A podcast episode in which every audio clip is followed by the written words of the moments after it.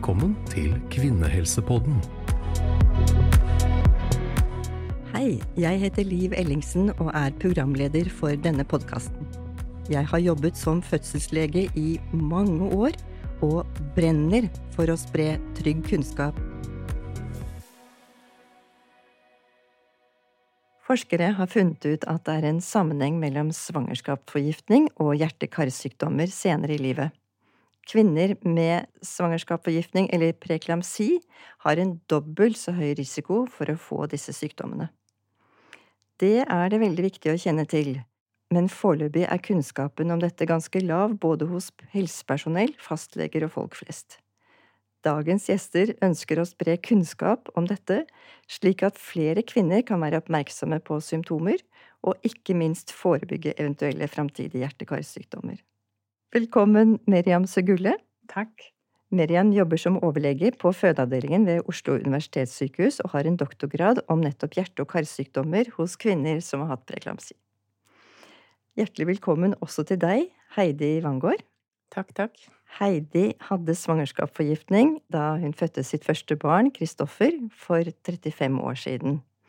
Og siden har hun fått både hjerteinfarkt og hjerneslag. Vi skal få høre hennes historie om litt. Men først til deg, Meriam. Du har selv forsket på hjerte-karsykdom hos kvinner som har hatt svangerskapsforgiftning. Kan du fortelle hva vet vi om dette i dag? Um, det vi vet i dag, er at um, kvinner etter uh, svangerskapsforgiftning og etter forhøyet blodtrykk i svangerskapet, svangerskapshypertensjon, har økt risiko for uh, forskjellige typer kardiovaskulær sykdom senere i livet. Hvilke hjerte-karsykdommer er det snakk om da? Kan du si litt mer om det? Eh, hjerte-karsykdom er definert som sykdom som hypertensjon og hjerte-kransarteriesykdom. Og hypertensjon, det er høyt blodtrykk, ikke sant? Høyt blodtrykk, ja. Mm -hmm. Og så er det også um, perifere kar, altså kar litt lenger ut i kroppen, ut i kroppen. Hvis, hvis, man skal si det sånn. uh, som er tradisjonelt uh, innbefattet i, her, i dette begrepet hjerte-karsykdom, som eh, vi så snakker om. Og så er det jo selvfølgelig også eh, begrep som vi kjenner litt bedre til, som hjerteinfarkt. Det er eh, hjertesvikt. Eh, og det er også ikke å glemme hjernens kar, altså at man får slag, eksempel som er med i denne potten av hjerte-karsykdommer. Og når vi snakker om preklamsi, så mener vi eh, høyt blodtrykk og ja. gjerne urinen? Ja. Preklamsi, svangerskapsforgiftning, eh, det er jo per definisjon da eh, nyoppstått eh, forhøyet blodtrykk etter 20. svangerskapsuke hos kvinner da, som ikke har hatt eh, forhøyet blodtrykk før pluss da enten valgfridd eggehvite i urin, klassisk, eh, eller at det rammer andre eh, organsystemer, som for eksempel da lever, nyrer, eller at det er en baby som ikke oppnår sitt sanne vekstpotensial, at det da er liten for svangerskapsalderen. Og da trenger man ikke nødvendigvis å ha med seg eggehvite urin. Og de som bare har et høyt blodtrykk, som ikke har hatt disse andre symptomene, kan de også få hjerte-karsykdommer senere i livet? Ja. Eh, det som er eh, veldig Altså, de første observasjonene, de ble da gjort i um, svangerskapsforgift, kvinner etter svangerskapsforgiftning for flere ti år siden. De siste to uh, ti år så har det kommet mer og mer forskning som da også prøver å skille mellom kvinner med, med tidligere svangerskapsforgiftning, og de som kun i anførselstegn kun da, har hatt uh, forhøyet blodtrykk i svangerskapet. Fordi gjerne det i, som det ofte er i forskning, når man trenger litt større tall for å finne ut av ting, så putter man gjerne disse forskjellige uh, typene av såkalt hypertensiv svangerskapskomplikasjon um, sammen i en gruppe. Men nå har man da mulighet til å gjøre oversiktsartikler, gjøre nye analyser, og så se om man kan skille kun på det med svangerskapshypertensjon altså for høyt blodtrykk i svangerskapet i tillegg. Og da ser man at ja, eh, også de som da har hatt svangerskapshypertensjon uten svangerskapsforgiftning, at de har en forøket risiko for hjerte-karsykdom senere i livet. Men kvinner som har hatt preklamsi, hvordan blir de fulgt opp etter fødselen, når vi nå vet at det er en sånn risiko? Ja. Det som er eh, litt spennende og litt trist, egentlig, det er at det er mange eh, organisasjoner som selvfølgelig fordi dette er viten som finnes der ute, har erkjent at svangerskapsforgiftning og, og um, svangerskapshypertensjon, at det skal være en risikofaktor som man skal ta hensyn til når man møter en kvinne senere i livet. Det skal høre med i en pasienthistorie som man da som lege alltid skal ta opp veldig nøye. Um, til tross for det så er det i hvert fall ingen etablerte systematiske oppfølgingsprogram for unge kvinner allerede. Fordi hvis man tenker seg at man kanskje skal forhindre eller forebygge, så burde man jo gjøre det i ganske ung uh, alder allerede. Uh, og det er ingen programmer uh, som er etablert for det.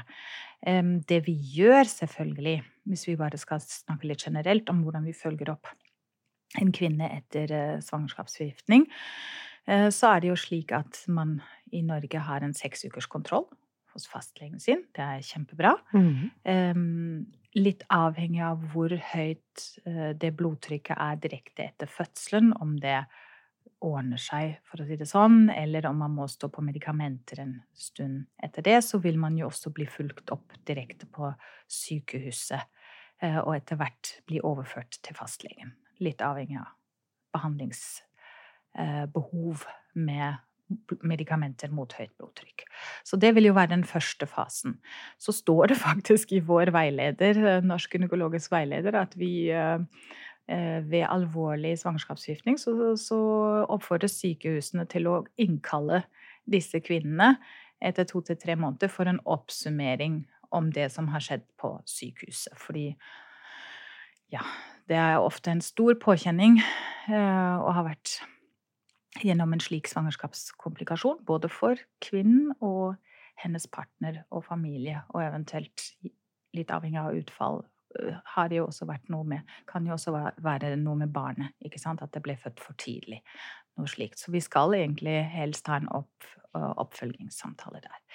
Men og etter det Kanskje det syndes litt, tror du det? Dessverre så tror jeg kanskje vi, vi gjør det innimellom. Uh, ut ifra kapasitetsproblemer. Det er på den ene siden. Og så er det jo også sånn at uh, det er mye som skjer etter en baby er født. Jeg har klart å glemme min seks ukers kontroll selv, så det er sikkert noen som klarer å glemme noen kontroller her også.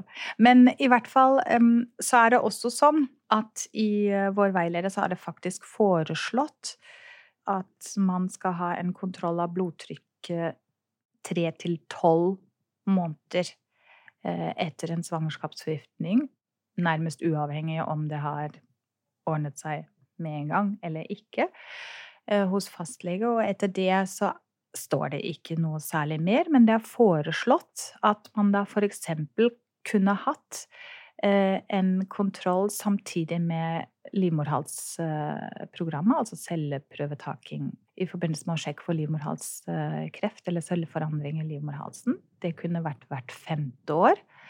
Um, og fram til 50-årsalderen, f.eks.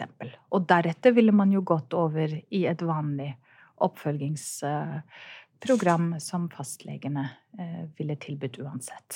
Og det er faktisk da et fint utarbeidet forslag til dette i vår uh, veileder uh, for fødselshjelp, utgitt av Den norske gynekologiske forening, som vi er veldig stolt av. Og det kan også anvendes for f.eks. Uh, oppfølging etter svangerskapsdiabetes. Fordi det har jo kanskje, hvis jeg får lov til å skyte inn her, så er det sånn at kvinner etter svangerskapsforgiftning ikke i anførselstegn kun har et, en økt risiko for senere hjerte-karsykdom, de har jo også en risiko per se for utvikling av type 2 diabetes, sukkersyke, som i seg selv igjen er en sterk risikofaktor for senere hjerte-karsykdom. Så ting henger sammen her, og det er viktig å være klar over. Nå har vi snakket mye om risiko, Meriam, og det høres jo veldig farlig ut, men det er vel ikke sånn at alle får dette? Nei, absolutt ikke. Og det er jo ikke alle som får svangerskapsforgiftning eller svangerskapshypertensjon heller. Eh, det er jo eh, Vi har et veldig godt helsesystem i Norge med veldig gode svangerskapskontroller som alle får. Eh, og da plukker vi jo opp forandringer ganske raskt som skal tas til etterretning. Så nei, ikke alle får det. Det er jo om lag like under 3% av alle gravide i Norge som får svangerskapsforgiftning, ca. 2% som får isolert svangerskapshypertensjon. Og det er veldig bra tall eh, sånn sett i verdenssammenheng. Så nei, ikke alle får det. Hvis man skal si tall sånn at det skal være litt mer sånn hva er 2 eh, hva, hva er det? Så er det ca. 1600 kvinner per år i Norge som får svangerskapsforgiftning for eksempel. Ikke sant? Og av de igjen, hvis man sier at de har ca. en to eller fire ganger økt risiko for disse kardiovaskulære altså hjerte-karsykdommene som vi snakket om, inklusive slag, så kan man jo tenke seg at det tallet Det er ikke mange, men for de som rammes, er jo selvfølgelig det 100 og derfor er det så viktig å være klar over. Nettopp. Ja. Mm. Det er derfor vi ønsker å snakke om dette. Nettopp. Hva kan kvinnene selv gjøre da, når de har hatt uh, et svangerskap med svangerskapsforgiftning? Ja, jeg tenker at det viktigste budskapet er jo at vi kan ta vår egen helse i vår egen uh, hånd også, ikke sant. Vi har gode systemer rundt oss i Norge, men vi kan også gjøre oppmerksom på uh, ting når vi legger merke til at det kanskje ikke er så fremme i bevisstheten hos helsepersonell.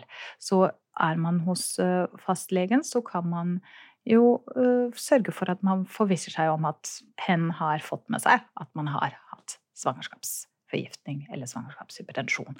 At man kanskje aktivt etterspør er det mulig at jeg kommer innom her en gang i året eller hvert femte år, eller at du tar et blodtrykk når vi også tar celleprøve.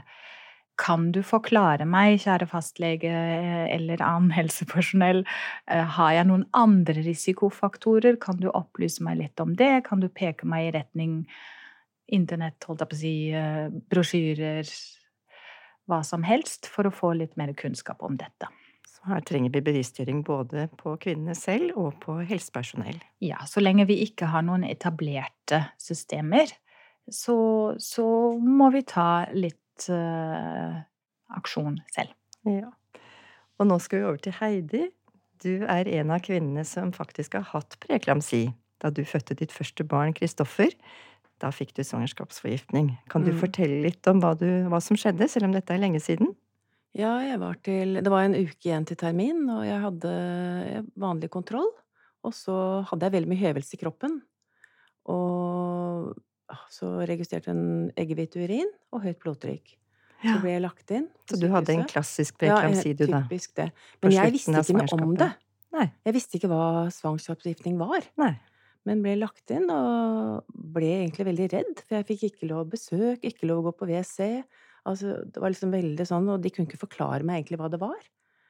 Og syntes dette var ganske tungt. Jeg hadde ikke barn fra før av, og mannen min var innom, og vi liksom visste ingenting. Men så mistrivdes jeg så veldig, så jeg ble sendt hjem etter fem dager. Ja. For jeg fant at jeg kunne like gjerne ligge i sengen hjemme. Og så gikk vannet dagen etter, og alt var bra. Og fødselen tok tid, men han var stor, og alt var greit. Alt var greit. Mm. Ja.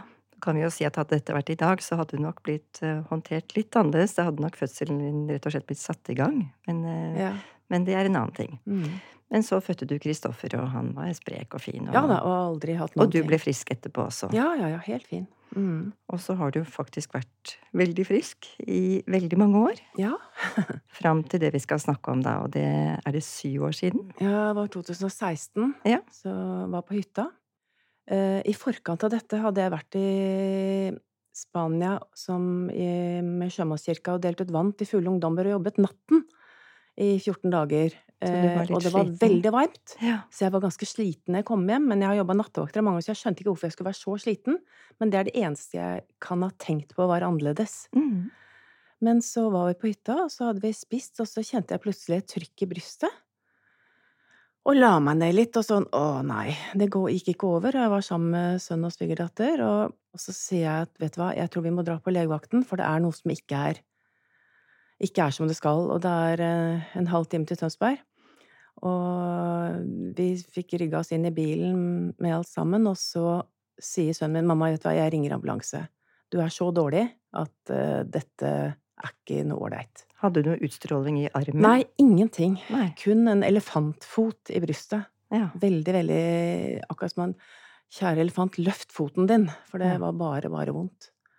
Så møtte ambulansen oss på Vrengen, og jeg ble lagt over der, og det føltes veldig godt, for da var det i hvert fall noen som jeg overlot livet mitt til, følte jeg. Og de konfererte litt, og jeg ble kjørt rett til eh, Riksen. Og der var de, tok de imot meg, og Der fikk du god hjelp. ja, kjempehjelp med en gang. Jeg følte meg som en TV-serie. Bare- Men så Og så gikk de inn i håndleddet og Jeg vet ikke hva det heter, jeg, men i hvert fall sånn. Og de åpnet opp, og alt var fint etterpå. Og da Ja. sa også legen at uh, dette var uten Ikke noe grunn til at jeg skulle få det. Det var ingen symptomer på meg på forhånd. Nei. Eh, Men symptomene var kanskje dette at jeg var så fryktelig sliten i forkant, at det burde jeg tenkt på. Men det, det gjør man jo ikke når man ikke har noe peiling på det. Når man føler seg frisk. Ja. Så Mhm. fikk du god oppfølging etterpå, fikk du ikke det? Jo, og jeg var på Feiringklinikken i fire uker, og jeg fikk veldig bra oppfølging. Syns det var helt suverent, oppfølgingen på, med hjertet. Men det er vel det at hjertet har hatt høy status hos menn, og det er bra for oss kvinner òg da. Det kom Mm. deg til gode. Ja. Men så fikk du faktisk et nytt hjerteinfarkt. Ja, i 20 var vel det da. Ja, så hadde jeg litt dårlig tid til toget og løp litt, og så fikk jeg liksom ikke ned pulsen igjen. Og kom på toget og fikk vondt. Og jeg skjønte at det, her er et nytt infarkt på gang, men jeg håpet at det skulle gli over. For jeg syntes det var veldig ubehagelig å skulle stoppe toget. Så jeg ble med inn til Oslo, og så skulle jeg finne en taxi. Men så fant jeg ikke noe drosje, og stopper en mann og spør han om han vet noe sted hvor drosjen er. For jeg er dårlig, sier jeg. Og så peker han, og så går han videre, og så kommer han tilbake igjen, og så snur han seg, så sier jeg, peker han på Volvat. Der er legen, gå dit, sa han. Og det var et godt råd. Ja, det var veldig godt råd, for med en gang jeg kom dit, så ringte de til ambulanse. Og så var det inn på Riksen igjen, og akkurat samme. Men, øh, og de gjorde det samme, og det gikk over, men jeg ble liggende en uke, for de klarte ikke å stabilisere meg helt. Men så var alt greit igjen. Så Og medisinert og helt fin. Så var det over. Men så skjedde det noe nytt, da. Ja, for to år siden så fikk jeg slag. Det visste jo ikke jeg da, men jeg våknet øh, Jeg hadde hatt et eller annet rart i hodet på natten, men jeg, og jeg bor jo alene. øh, og våknet og hadde så vanvittig vondt i hodet. Men jeg skulle på jobb, så jeg kjørte til jobben, og så rota jeg med veien. Jeg, og jeg har kjørt den veien så mye, men jeg, jeg skjønte ikke hvor jeg var. Men jeg fikk jeg, jeg skjønte det etter hvert, så jeg kjørte til skolen. Og da så sier jeg det til en kollega, og han sier med en gang smil og le og løfte hendene. Og alt det var helt greit. Det var Ja. ikke noe, jeg var ikke noe annerledes i ansiktet. Ingenting. Tenkte du selv på at det kunne være slag da? Nei. Nei, jeg gjorde ikke det. For det var bare vondt i hodet, og ikke noe strålinger ut i armen som jeg alltid har hørt, og nakkevondt og sånt. Det var ingenting. Mm. Men jeg dro til legen fordi at jeg, hodepinen var ekstrem. Eh, Og jeg har hatt migrene for 20 år siden, eh, men det er jo helt borte. Men jeg dro til legen, og da var min lege borte, for hun hadde korona, så jeg fikk en vikarlege, og hun satte det på akutt migreneavfall. Eh, Hun undersøkte sikkert for andre ting, men jeg hadde jo ingen symptomer på slag egentlig utover det med at jeg hadde vondt i hodet.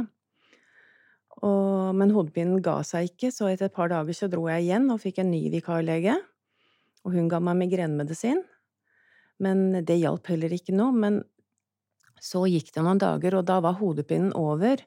Men jeg hadde en sånn rar følelse i hodet. En litt sånn film på siden på et eller annet siden at det var noe rart i hodet. Ja. Så da dro jeg til min egen lege. Og hun eh, jeg forklarte, og så sier hun 'se på meg', og så løfter hun hendene på hver side. Og så ser du hvor mange fingre jeg har. Og det gjorde jeg ikke på den ene siden. Og så sier hun 'vent litt', så, så ringte hun til sykehuset.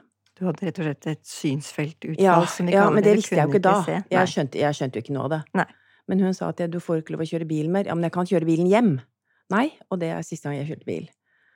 Og det syns jeg var ganske tøft. rett og slett mistet sertifikatet etter Mm, dette. mm. Ja. Og fordi jeg kom da inn på Bærum, så tok de ja, CT eller MR, og da lå jeg jo i sengen plutselig og var pasient, og da kom hun tilbake og sa at du har hatt slag. Et drypp, da, sa jeg. Eh, For jeg følte meg jo da veldig frisk, egentlig. Nei, det er et slag. For en uke siden. Og det ble også fulgt veldig, veldig bra opp.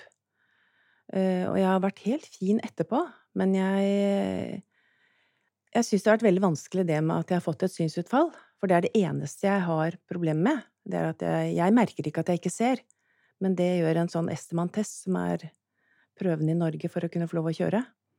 Så men ellers har jeg ikke noe problemer med det slaget. Nei, og du bruker blodfortynnende tabletter, da? Ja da, jeg har satt på masse greier Men. Mm, Sånn. mm. Litt mer blodfortynnende enn jeg hadde etter hjerteinfarktet.